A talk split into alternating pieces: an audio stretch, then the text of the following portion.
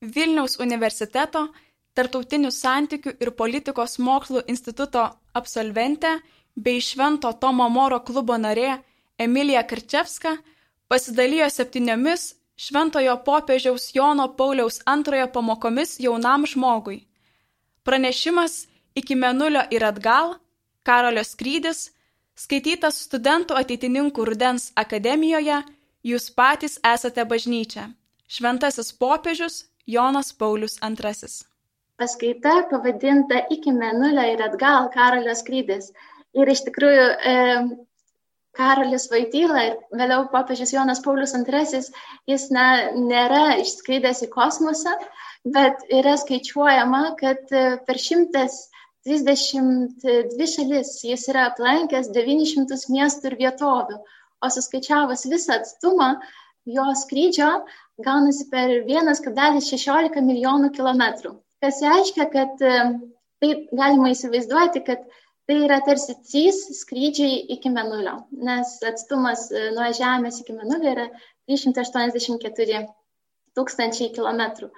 Ir e, toks jausmas, kad popiežius Jonas Paulius II, jisai išskrido į Menulį, grįžo pas mus ir dar kartą mus kviečia skristi trečią kartą su juo, sekti pėdomis jo mokymų, kurį jis yra mums, mums palikęs. Ir kas buvo tas jo menulis. Tai iš pradžių tikrai tai yra dieviška tiesa, kurią jisai atrado, apie kurią jisai rašė savo 14 enciklikų apaštališkose laiškuose per tūkstančią generalinių audiencijų, apie kurią kalbėjo. Taip pat jo menuliu galima pavadinti meilę žmogui, kuriuo giliu supratimu ir rūpeščiu jis pasižymėjo. Tai buvo pirmasis popiežius įžengęs į sinagogą Romoje, o judėjus pavadinęs vyresniaisiais tikėjimo broliais, peržengęs Liuteronų bažnyčios slengsti. O 85 metais piligrimystės Marokė metu jis kalbėjo dviems milijonams susirinkusių musulmonų.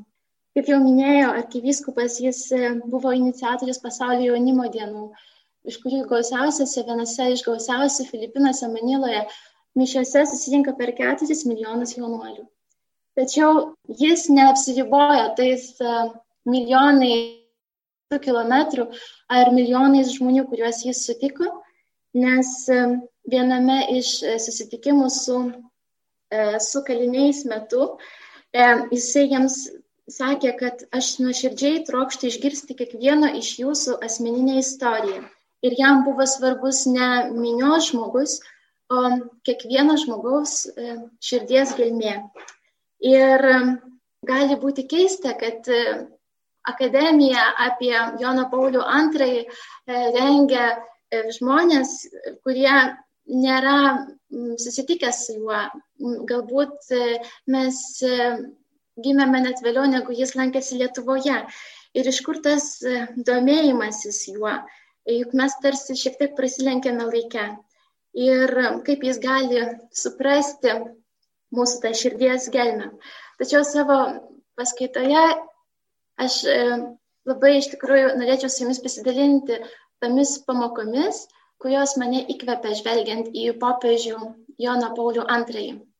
E, bet e, prieš pradedama tą pirmąją pamoką, labai norėčiau irgi pasidalinti tuo tokiu mažu liūdėjimu, kad iš tikrųjų prisiminimai apie Joną Paulių antrąjį iš vaikystės yra tokie vieni labiau migloti per Velykas ir Kalėdas iš Urbė Torbių sveikinimų, kai jis kreipdavosi lietuvių kalba ir tada žvelgiant šeimoje reikėdavo visiems tyliai suklusti, nurimti ir e, tiesiog e, susitelkti, išgirsti tos lietuviškai sakomus žodžius, kas atrodė neįtikėtinai svarbu. Ir e, kalbėdamas lietuvių kalba jis tikrai norėjo išreikšti tą tokį artimumą lietuvių tautai. O antrasis atsiminimas yra įdomu, kad e, laidotuvių e, mišios buvo transliuojamos mūsų mokyklos aktų salėje. Ir nors mokykla, kurioje aš mokiausi, aš tuo metu buvau trečiai klasiai, ir mūsų mokykla nėra katalikiška, bet buvo nuspręsta, kad į, į laidotuvių transliaciją gali ateiti visi moksleiviai, mokytojai ir iš tikrųjų aktų salė didelė ir atėjo tikrai keli šimtai žmonių stebėti tą transliaciją. Bet e, kas dabar yra irgi aktualu, mes ėjome su mama, nes jinai yra mokytoja toje mokykloje, mes atėjome su ją dviese. Ir jinai nenorėjo likti stebėtoje, jinai norėjo dalyvauti toje transliacijoje, tai reiškia atsistoti, atsakyti garsiai visus atliepus, gėdoti psalmę atliepiamąją, muštis į krūtinę. Ir tuo metu, kai visi aktų salėje m, mm, tiesiog E, ramiai sėdėjo, aš buvau priversta irgi stoti kartu. E, aš jaučiau tokį nepatogumą, tai buvo didelis, nu tikrai, tai, tai buvo toks išbandymas, nepatogumo gėdas jausmas. Ir ką aš atsimenu, kad mes per pamokslą, mes susirinkome daiktus, išėjome iš aktų salės ir jau grįžėme baigti transliaciją stebėti namuose, nes uh, E, tiesiog pagalvoti, kad dar reikės klauptis, e, tai aktų salė buvo tikrai sudėtinga. Ir man nuo vaikystės, aš tiesiog atsimenu tą, kad atrodo visa ta aktų salė jau nuo to didelio ekrano, kurį mes žiūrėjom, tiesiog žiūri į du tos balsus e, atsiliepiančius. Ir man buvo tikrai labai keista, kodėl aš, kuo svarbus Jonas Paulius II, kodėl buvo taip svarbu stebėti tą transliaciją, joje dalyvauti. Ir kodėl reikėjo mano tokios vaiko aukos ir pastangų, kodėl negalima buvo elgtis paprasčiau ir likti tiesiog stebėtojų. Ir iš tikrųjų tai žadino smalsumą ir norą domėtis Jonu Pauliumi antruoju. Ir uh, pirmoji pamoka, su kuria turbūt mm, atrodo labai taip, uh, ką čia, ką čia labai tokia nuvalkiota, bet man labai brangi, kurios mokosi iš e, Karolio Vaitylas, jinai yra gerbk savo tėvą ir motiną. Nes e, popiežius e, gimė prieš šimtą metų Vadovicuose ir jis buvo trečias gimęs vaikas Vaitylų šeimoje, Emilijos ir Karolio Vaitylų šeimoje. Prieš ketverius metus jiems gimstant buvo gimusi dar sesutė Olga, tačiau ji mirė išgyvenusi vos kelias dienas. Ir popiežius Karolis Vaityla E, jisai turėjo tik vyresnį brolį Edmundą, 13 metų vyresnį brolį. Ir Emilija Vaityla, jai gimė antrasis sunus, jai buvo 36 metai. Ir kaiminė, kuri e, gyveno su šia šeima viename name, jinai atsimena, kad yra likęs tiesiog jos pasakojimas, e, audio įrašas ir jinai prisimena, kad jų namas yra vadovicėse, tokias žvelgiantis į turgaus aikštę. Ir jinai prisimena, kad aš stebėjausi šitą 40-metę moterimi, kai jinai išeidavo su vežimėliu, taip myluodavo tą vaiką, čičiuodavo jį ten, e, vis, vis imdavo jį ant rankų. Aš pati asmeniškai bardavausi, e, nes jinai jį per daug lepina, kas išauks iš jo, e, kad bus labai išlepęs vaikas. Tačiau jis tam motinos rankų meilę, jis galėjo ją justi devynerius metus nes vėliau susirgusi jo mama mirė. Jo brolis e, Edmundas, kuris buvo gydytojas ir būdamas 26 metų amžiaus, mirė užsikrėtęs nuo paciento, paliko Karolį su jo tėvu, Karoliu vyresniuoju. Ir Karolis vyresnysis, Karolio Vaitylos tėvas, jis buvo Austro-Vengrijos imperijos karininkas, vėliau nepriklausomos e, Lenkijos kariuomenės leitenantas. Jis labai rūpinosi sunumi. Ir kas yra įdomu, kad Karolio Vaitylos bendraklasiai prisimena iš mokyklos laikų, kad e, Karolis labai daug praleisdavo laiko su tėvu. Bet e, jis iš tikrųjų labai daug kalbėdavosi su tėvu, skaitė knygas, kad tėvas juo labai rūpinosi. Jis buvo tokio tvirto charakterio ir labai rūpinosi berniuku, e, mokė jį kalbų, kad e, prisimena, kad e, Karolis jau paauglystėje jis galėjo vokiečių kalbą skaityti Getę, Šilerį, kad jie du labai kalbėjosi, vaikščiojo į kalnus. Daugelis perskaitytų dalykų viską aptardavo su tėvu. Tačiau giliausias dalykas, apie kurį jau išrinktas popiežimis prisimindavo, kad tėvas jam buvo ypatingo pamaldumo e, pavyzdys. Ir jis, Karolis prisimena, kad kartais ir naktį prabudusi tėvą matydavo besimeldžiantį, e, suklaupus ant klaupto. Ir e, tokiu būdu jis įvardė, kad tėvas buvo visiškai atsidavęs maldos vyras. Mano namai buvo pirmoji seminarija, kurią išėjau. vėliau sakys Jonas Paulius II prisiminęs tėvo pavyzdį.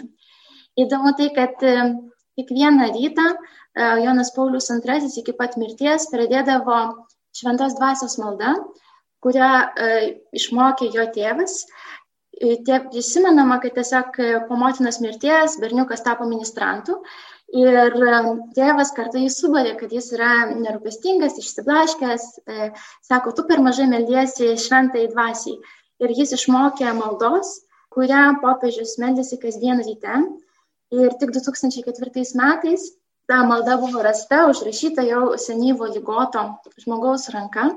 Ir e, tai malda šventai dvasiai.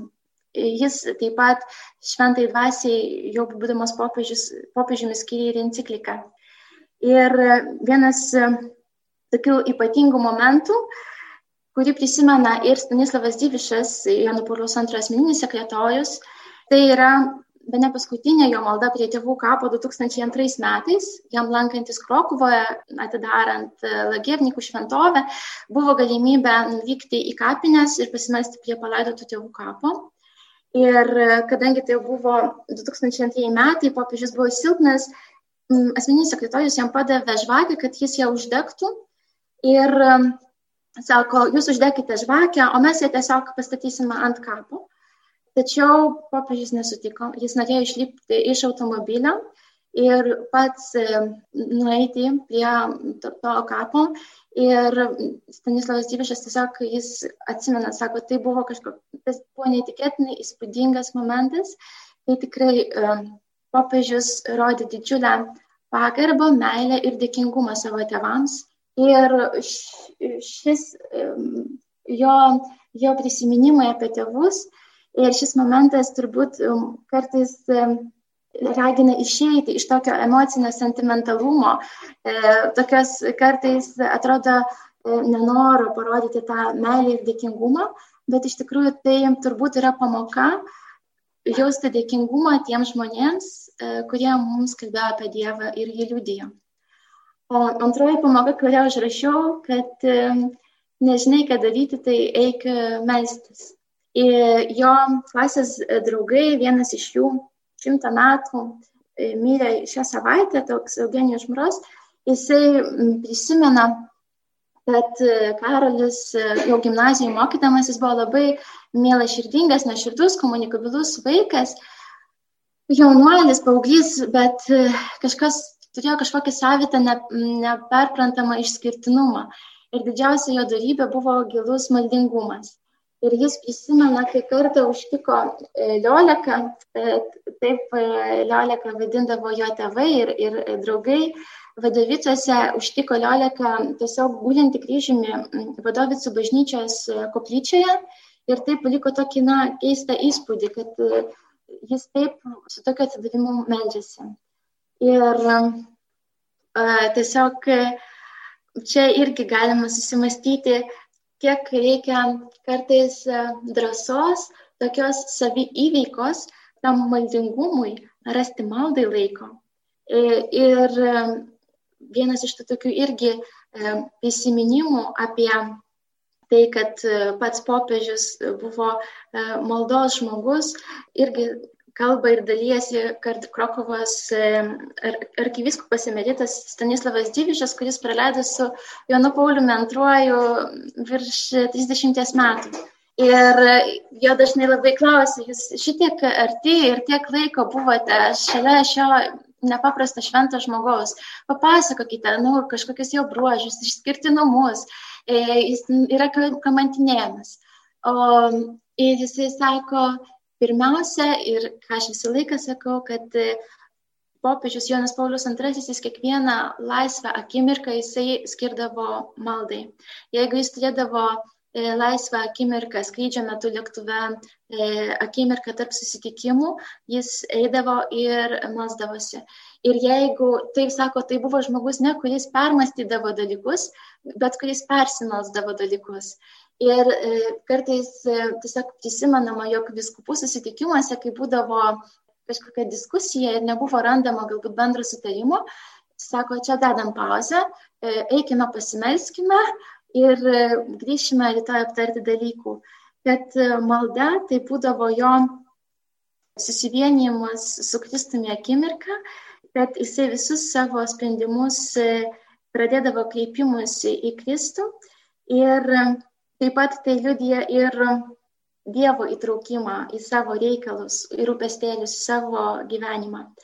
Ta antroji pamoka tikrai yra prieš kažką sprendžiant, reikia ne tik permastyti dalykus, bet persmelsti. E, trečiasis dalykas, ko gali e, mokyti ir apie ką priminti Karolis Vaityla, tai reikia laiką skirti pomėgiams, e, brangiams dalykams.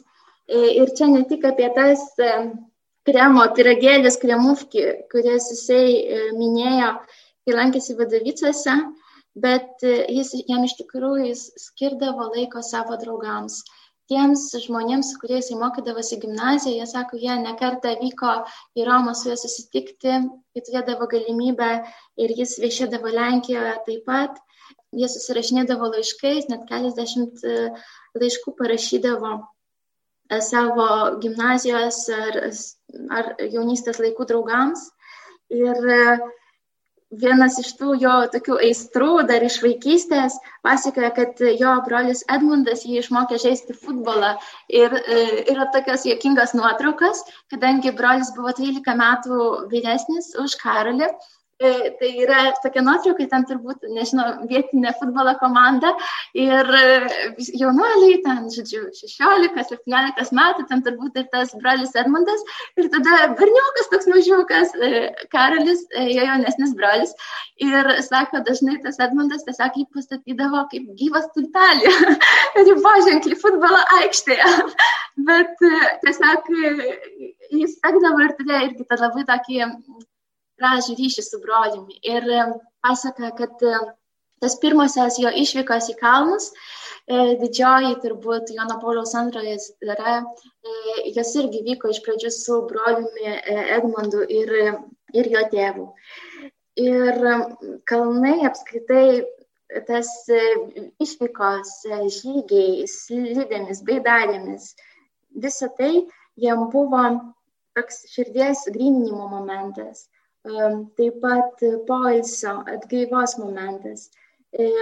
Keliaudamas po kalnus, jis taip prašė, jog šlovindavo viešpatį ir jautėsi esas arčiau Dievo, pakilęs virš kasdienės būties. Jis savo pačia esatimi tenai, būdamas tarp tos gražios kūrinijos, tarp kalnų, jis tarsi pats pašventindavo tas vietas.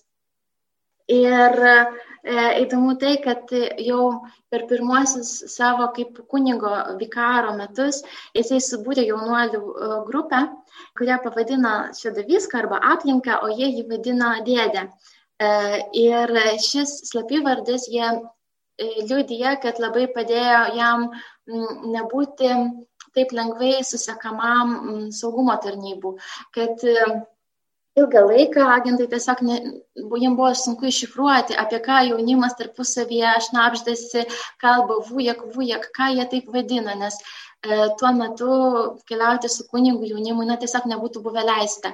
E, kai jisai apsistodavo kažkokiose tose kalnų vietose nakviniai, tai irgi visur būdavo prašoma vadinti jį vujaku, dėdę. Ir e, teko tikrai e, tokia nepaprasta galimybė e, susipažinti su dviem žmonėmis iš tos jo aplinkos, e, kurie e, rūpinasi, kad tie kalnų takai teatruose, kad jie būtų pažymėti kaip popiežiaus maršrutai, popiežiaus trasos. Ir, ir dabar tai, aišku, jau yra vyresnio amžiaus žmonės ir jie tiesiog su tokiu pasigėrėjimu prisimena tuos susitikimus, su kunigu Karoliu Vaityla ir kalbėjo, jie dalyjasi, kad jis kalbėjo apie viską išskyrus politiką, kad e, jis atmetė bet kokį ekonominį ar politinį aiškinimą apie žmogų, bet jis labai kalbėjo apie tai, su kuo susiduria tas jaunas žmogus, apie tai, kaip e, kaip priimami sprendimai, kaip kuriami santykiai, kaip formuojasi žmogus, kaip suprasti etiką ir moralę. Jis tiesiog kalbėjo tai, kas, kas tuo metu jaunam žmogui buvo labai um, aktualu. Ir um, taip pat jau popiežiumi tapęs, tai buvo vienas pirmųjų popiežiumi, kuris um, reguliariai planavo atostogas. E, ir atostogas jam buvo toks tylos, susikaupimo, ramybės laikas. Todėl ta trečioji pamoka, turbūt, e, kuri mums kartais e, tokiems užsiemusiems, visur, lekintiems gali būti svarbi, tai yra priminimas apie tą tylos ir ramybės laiko būtinumą.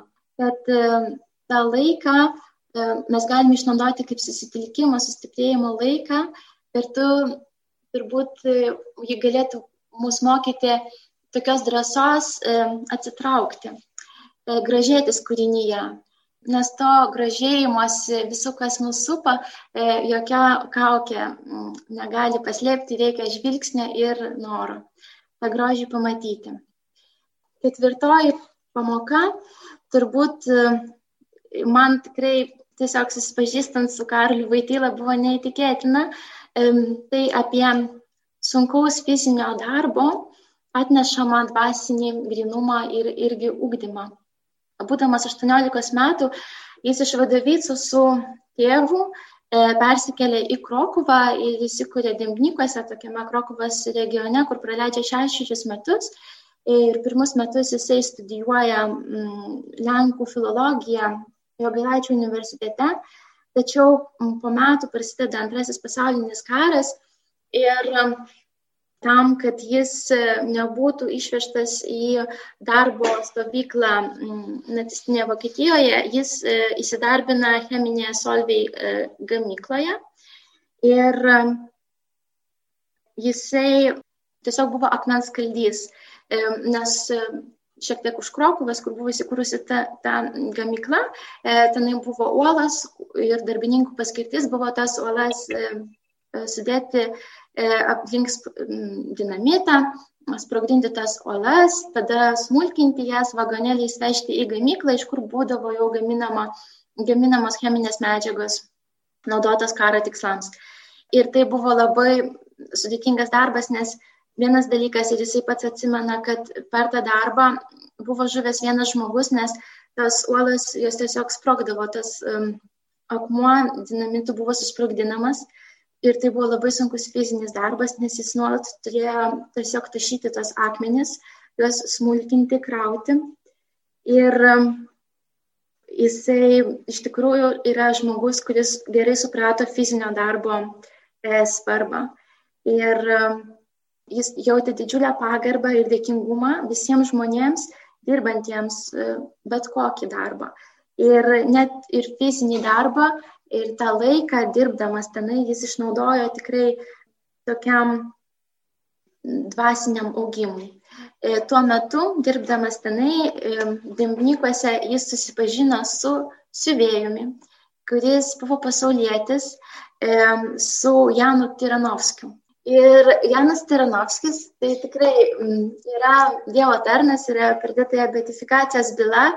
Jisai tapo pirmoju Karoliu Vaitylos dvasiniu vadovu ir mm, jis tiesiog pastebėjo, tuo metu Karoliui Vaitylai buvo 19-20 metų ir jis jaunuolį pasikvietė arbatos, duoda skaityti jam gerų knygų ir pakviečia tiesiog žymėtis kiek jis kam skiria laiko, vesti darbo atverkę tam tikrą e, ir kartą per savaitę vienai valandai ateiti pokalbiui, papasakoti, ką perskaitė, e, kaip praėjo savaitę. Ir tai buvo toks vidinio gyvenimo kursas, savidisciplina, savęs disciplinavimo kursas, kaip įsimenam. Ir iš to pasaulietčio dvasinio palidėjimo grupelės, kurie priklausė keliolika jaunuolių, išaugo net vienuolika kunigų, tarp jų ir Karolis Vaityla. Ir jisai prisimena, kad e, Karolis Vaityla, jau popiežius Jonas Paulius II savo knygoje e, Davana ir paslaptis prisimena, kad iš Jano Tiranovskio išmokau elementarių darbo su savimi metodų, kurie atėjo anksčiau, neėmiau studijuoti seminarijoje. Jisai tikrai prisimena, kad ir kitiems tos grupelės jaunuoliams, jis apsistatydavo kaip jaunuolis, kuris nori būti aktoriumi ir apie kunigystę net negalvojo. Šituo laikotarpiu labai svarbi buvo um, tokia gyvojo rožinio grupelė, kuriai, kada kunigai saleziečiai buvo išvežti į koncentracijos stovyklą, e, liko daug jaunuolių parapijai, kurių, kuriais reikėjo rūpintis. Ir tiesiog Tiranovskis pasiūlė Karoliui Vaitylai paimti 14 jaunuolių grupę ir vesti tą gyvojo rožinio maldos grupelę. Ir kartą per savaitę su, su ta keturiolike taip pat susitikti, aptarti dalykų kadangi Karolis Vaityla tuo metu dirbo mm, ir buvo labai fiziškai nuvargęs, e, jisai prašydavo, kad e, vienas jaunuolis jį vestų į darbą ir palidėtų, ir tada jie valandą iki darbo pašymis jie galėtų aptarti dalykus. Ir tada, o kitas jį pasitiktų grįžtant iš darbo ir tada grįždamas namo jis su kitu galėtų aptarti dalykus.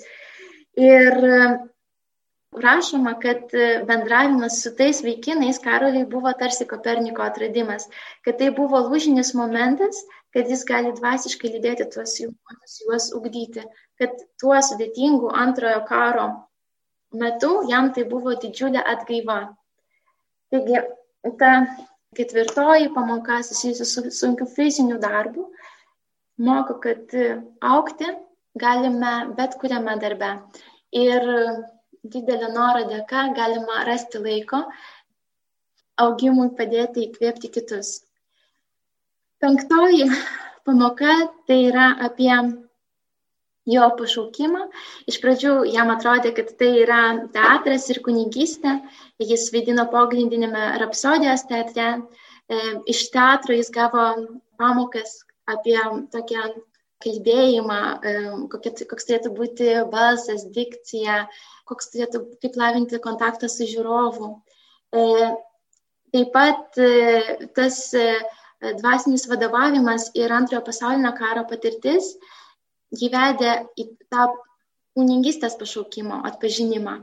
Ir jisai 42 metais pradėjo mokytis pogrindžio seminarijoje, buvo išventintas kunigu Ir e, įdomu tai, kad jo primicijų paveikslėlis išleistas atminti yra puošiamas užros vartų mergelės Marijos atvaizdu. Ir ta penktoji pamoka turbūt yra apie tai, kad e, nors mes turime planus savo gyvenimuose, tačiau reikia palikti vietoms ir pokyčiams tose planuose įvykti, būti atviriems Dievo valiai ir nebijoti, kad kiti žmonės, kuriuos mes sutinkame, gali atnešti pokyčių į tų gyvenimą. Šeštoji pamoka tai tutus tūs. Atsidavimas Marijai, jis buvo gilus e, Karolio, e, kad tiesiog Karolį lydėjęs nuo vaikystės, dar tuomet, kai tapęs našlaičiu, jį tėvas pasiima į e, su savimi į Kalvarijos Zapžidovskos e, sanktuariumą ir e, rodo stebuklingą mergelės Marijos paveikslą, sakydamas, e, štai tavo motina, nuo dabar tu nebesi našlaitis. Ir um, Karolis Vaityla iš tikrųjų pasižymėjo tuo pamaldumu Marijai, tą gyvojo rožinio grupelę, e, kurią jisai vedė. Jam irgi buvo toksai didelis e, postumis pamaldume į Mariją. Įsimenama, kad jis e, eidavo miegoti tik sugėdojęs tokią giesmę, Činstakavas Dievo motinai, apelį. Ir um, įdomu tai, tai susiję ir su Lietuva, kad po išrinkimo popiežiumi Jonas Paulius II nuėjo į Vatikano bazilikos požymį esančią aušros vartų mergelės Marijos koplyčią e, ir meldėsi joje. O šis paveikslas, aušros vartų mergelės Marijos, yra paveikslas, kuris vaizduoja tą apreiškimo momentą, kai jis sutinka Arkangelą Gabrielį ir sutinka tapti Dievo motinas, pasakydama savo fiat.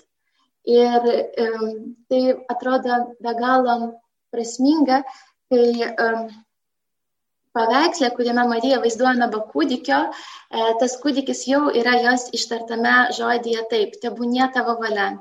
Ir prieš pandėdama savo pontifikatą, Jonas Paulius II taip pat nuėjo prašyti, kad jo tas e, fiat e, būtų palaimintas ir mergelė Marija jį globotų.